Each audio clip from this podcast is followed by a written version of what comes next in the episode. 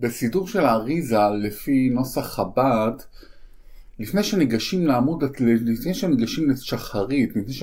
אחרי שמניחים תפילין וציצית, המשפט, אה, המשפט הראשון שאנחנו אומרים, הריני מקבל את מצוות ואהבת לרעך כמוך. זאת אומרת, ישר לפני תפילה, אנחנו אומרים את המשפסוק הזה, ושואל הרבי מלובביץ', מדוע? מה הקשר? למה אנחנו צריכים בתוך הסידור אה, להגיד ואהבת לרעך כמוך? שאני מקבל את המצווה הזאת, מה, למה זה פותח בכלל את כל, ה, את כל מצוות התפילה, את כל התפילה של השחרית, למה זה בכלל, החליטו דווקא את הפסוק הזה לשים, מה הקשר בין אה, תפילה לאותו מצווה של ואהבת לרעך כמוך? מה, מה, מה הייחודיות שבזה? כדי להבין את זה, קודם כל אנחנו נצטרך להבין מה זה מצוות ואהבת לרעך כמוך במשמעות שלה. למה באמת נדרש כל יהודי לאהוב את חברו כמוהו? מוסבר על כך בתורת החסידות יש משל מאוד מאוד יפה. שבעצם אה, כל בני ישראל הם חלק מאותו דבר. שלם, ונקראים קומה שלמה, כשם שגוף האדם מורכב מרמ"ח איברים שונים שכולם חלק מגוף אחד, כך גם עם ישראל מורכב מנשמות רבות שכולן יחד הם עם אחד שלם. אה, ככה זה, אנחנו מורכבים בעצם מקומה שלמה. מהאדם העליון אנחנו כולם חלק של אותו דבר גדול ושלם. יש אה, נשמות קבועות שהם אה, הצדיקים וכן הלאה, אה, שהם מבחינת המוח, ויש נשמות טיפה יותר נמוכות הידיים, ויש יותר נמוכות זה הרגליים, ואחת הסיבות שקוראים לנו עקבית על דמשיחא, כי אנחנו נקראים הדור של, אנחנו ממש ב, ב, ב, ב, ב, למטה, שברגל, זה ככה נקרא הדור שלנו. לפיכך, על מנת להבין את היחס והאחדות בין בני ישראל, יש להתבונן ביחס בין איברי הגוף. אה, אותו, אותו יחס, אותו, דיברנו על אותו משל, שאנחנו, שאנחנו צריכים להבין מה היחס בין איברי הגוף ואיך הם מתייחסים אחד לשני. אז קודם כל, הכל איברי הגוף מחוברים ביחד אה, למוח. זה כולנו יודעים. הם ככה, הם כלולים בלשון החסידות כלולים במוח, כל איברי הגוף. מאחר וחיות כל האיברים נמשכת מהמוח, מובן שהמוח כולל את החיות של כל האיברים. לכן הוא מרגיש את האיברים כאשר קר להם או חם להם. זאת אומרת שאם באיבר אחד קר ובאחד חם ואחד כואב ואחד צובט ואחד מדגדג, אנחנו מרגישים את הכל דרך המוח. הוא, המוח הוא מכליל אה, את כל האיברים בתוכו. למה? כי החיות שלהם נמצאת בתוכו ומגיעה ממנו. במצב זה החיות של כל האיברים השונים מאוחדת בתכלית האחדות ואין כל פירוד ביניהם. זאת אומרת, במוח אין פירוד בין יד ימין ליד שמאל, זה הכל ביחד, כאילו, זה הכל מכונה אחת. וזה כמו המצב, ככה האיברים שלנו לפי המוח. במצב השני, כפי שהחיות יורדת מהמוח ומתלבשת בתוך האיברים, כעת החיות נחלקת לאיברים שונים, ובכל אחד מהם יש חיות שמתאימה לו בפרט. חיות המתאימה, יש חיות שמתאימה ליד, ויש חיות מיוחדת שמתאימה לרגל, וכולי וכולי וכולי. במצב זה חיות האיברים כבר לא מאוחדת כמו במוח, כבר לא היד ימין היא לא מאוחדת עם יד שמאל כמו שהיא מאוחדת במוח, אבל עדיין כן מאוחדים. יש איזה סוג של התקללות, כי החיות שברגל כולל בתוכה את החיות שביד, וכן מאידך גיסא. לכן, כאשר ישנו חולי ברגל, למשל, ניתן לרפא אותו באמצעות הקזת דם ביד, וכך בשאר האיברים. יש פעם ברפואות עתיקות, זה ידוע שלהקיז דם זה מאוד מאוד בריא. אה, אז קדימה, כולם נלך לתרום דם כי זה באמת עוזר לבריאות. אבל ידוע בתרופות קצת יותר, רופאים של אז, שאם רוצים לפעמים לרפא כאב ברגל, הם היו מקיזים דם דווקא מהיד, וזה היה מתקן את הכל. אז זאת אומרת, כן, יש חיות ליד בנפרד ולרגל בנפרד, אבל הם כן קשורים אחד לשני. זה המצב השני. המצב השלישי הוא כפי שהאיברים הם בגוף הגשמי. ההתאחדות וההתקללות האמורה יכולה להיות רק מבחינת החיות שבאיברים.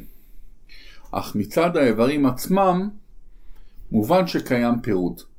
לכן כאשר יש כאב ברגל, היד לא מרגישה אותו. כשכל איבר נמצא בפני עצמו, הוא נמצא בפני עצמו. ואם יש כאב ביד, הרגל לא מרגישה אותו. וכאשר יש חולי ביד, הרגל לא מרגישה אותו. כי בגוף הגשמי האיברים לא מאוחדים, אלא חלוקים ונפרדים. ככה זה בגוף הגשמי. אז אמרנו, יש לנו אה, שלושה מצבים. אחד, החיות כמו שהיא נמצאת במוח, ששם הכל ביחד, כל החיות מתרכזת במוח, ואז יש חיות לכל איבר בנפרד, ואז יש את העניין של העניין הגשמי לגמרי, המצב השלישי, שבו כל איבר הוא ממש בפני עצמו. חלוקים ונפרדים. ככה זה בנשמות ישראל. יש גם שלושה מצבים. אחד, זה מצד שורש הנשמות. הן מאוחדות בתכלית. הן ביחד, בתכלית. השני, כאשר הנשמות מתלבשות בגופים, עכשיו התלבשנו בגוף, כל נשמה ירדה לגוף שמתאים לה, אה, במיוחד, אה, אבל עדיין יש התכוללות בין הנשמות ויש קשר פנימי. תמיד אומרים שאימא מרגישה את הכאב, שתינוק בוכה, אימא מזדעזעת ומרגישה את זה. יש קשר פנימי בין הגופים האלו והנשמות האלו. זה החלק השני, ובמדרגה השלישית, מבחינת הגופים, יש פירוט במידה כזו שגופו של יהודי אחר אינו מרגיש את הגוף של היהודי האחר.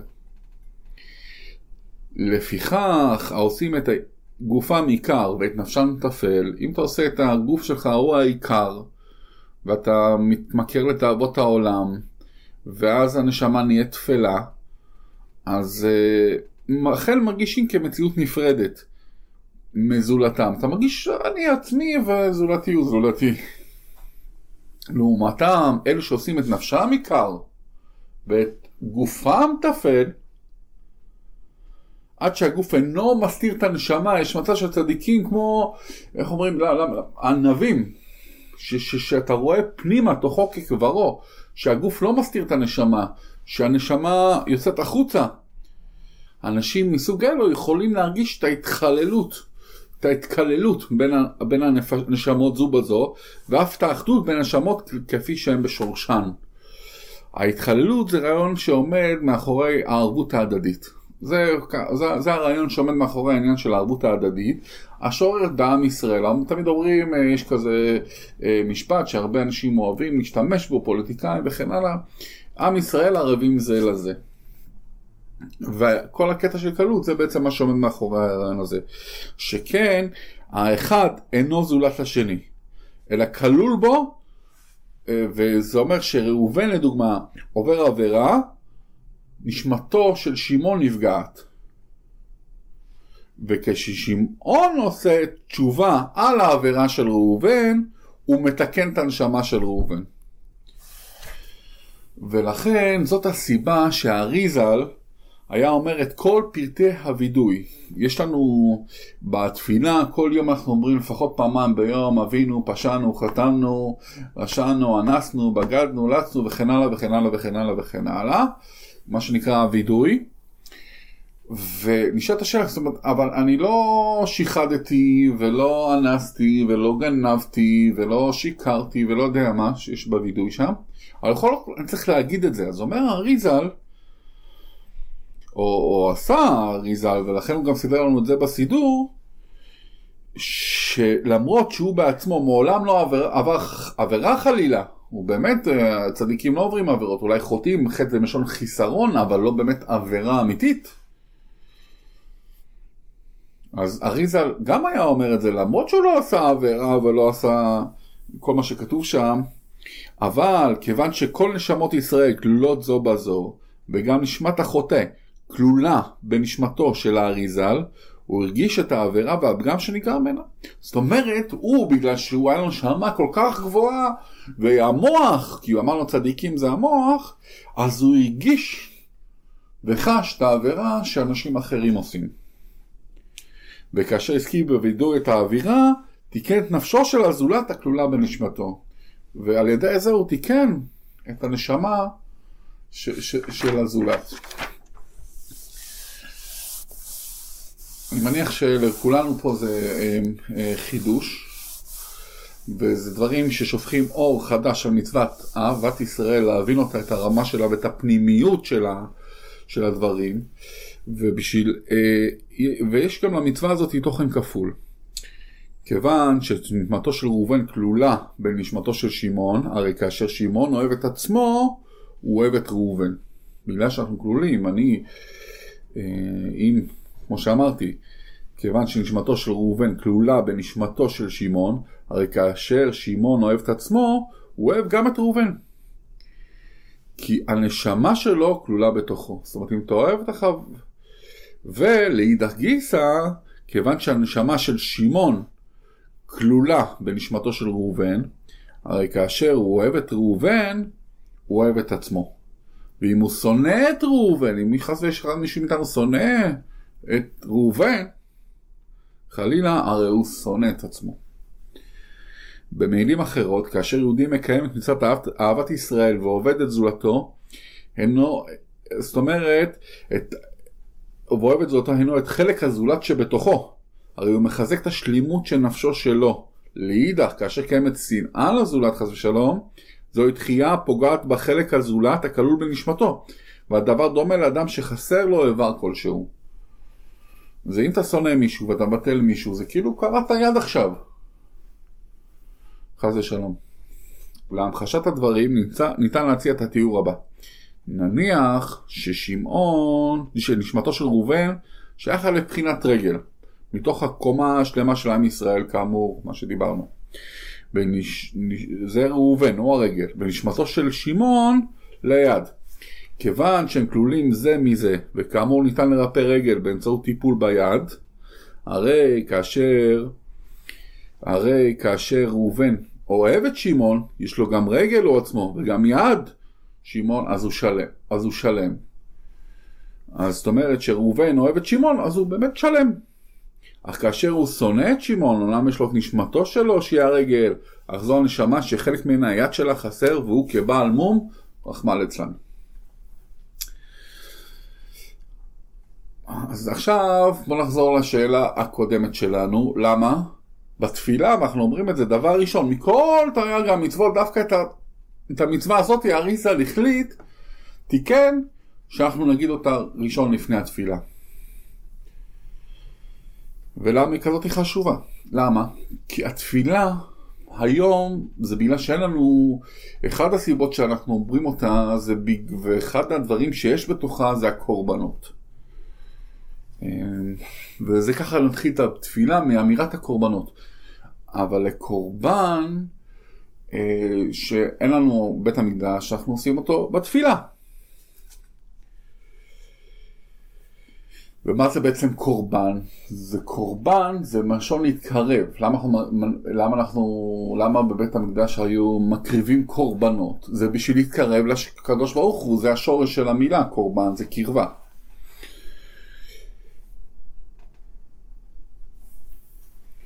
ועבודת הקורבנות היא אינה להתקרב אל השם, כשם, אבל כשם שקורבן גשמי. שהקורבן, אם היינו מעלים אותו לבית המקדש, הוא חייב להיות, אסור לו להיות בעל מום. הוא חייב להיות נקי וחסר מומים. אם, בעל, אם הבאת הכבשה היא בעלת מום, אי אפשר לראות אותה קורבן. היא חייב להיות לא בעל מום. עליו להיות תמים, מה שנקרא. כך כאשר יהודי, עולה תמימה, כך כאשר יהודי מבקש להתקרב לקדוש ברוך הוא באמצעות תפילה, עליו להיות שלם בנפשו ולאהוב את כל בני ישראל שבנשמותיהם כלולות בנשמתו, אחרת הוא בעל מום וקורבנו אינו רצוי לפני הקדוש ברוך הוא. אז לכן אנחנו אומרים את ה... ואהבת, הרי אני מקבל עליי את מצווה ואהבת לערך כמוך כי אם אנחנו לא נקבל את זה, ואם אנחנו נשנא איזה יהודי לפני התפילה, אז אנחנו עכשיו מקישים קורבן לקדוש ברוך הוא, אבל הקורבן הוא פגום, זה לא עולה תמימה, הוא לא תמים, הוא פגום, לא נוכל לעלות קורבן ולא נוכל להתפלל. על כך נאמר בזוהר, קוצ'ה בריחו לא שריע באתר פגים, אלא באתר שלים. כלומר, ככה אמר הזוהר, הקדוש ברוך הוא אינו שורה במקום פגום, אלא רק במקום שלם. וכי לשון התפילה, ברכנו אבינו כולנו כאחד. כאשר כולנו אחד מאוחדים, אזי שורת עלינו ברכת השם, ברכנו אבינו. לכן, לפני התפילה אנחנו מקבלים את עצמנו את מצוות אהבת ישראל, מתוך כוונה אמיתית לקיימה, וככה אנחנו תמימים ורצויים לפני השם. אם יש לכם שאלות, צאו קשר. כל טוב.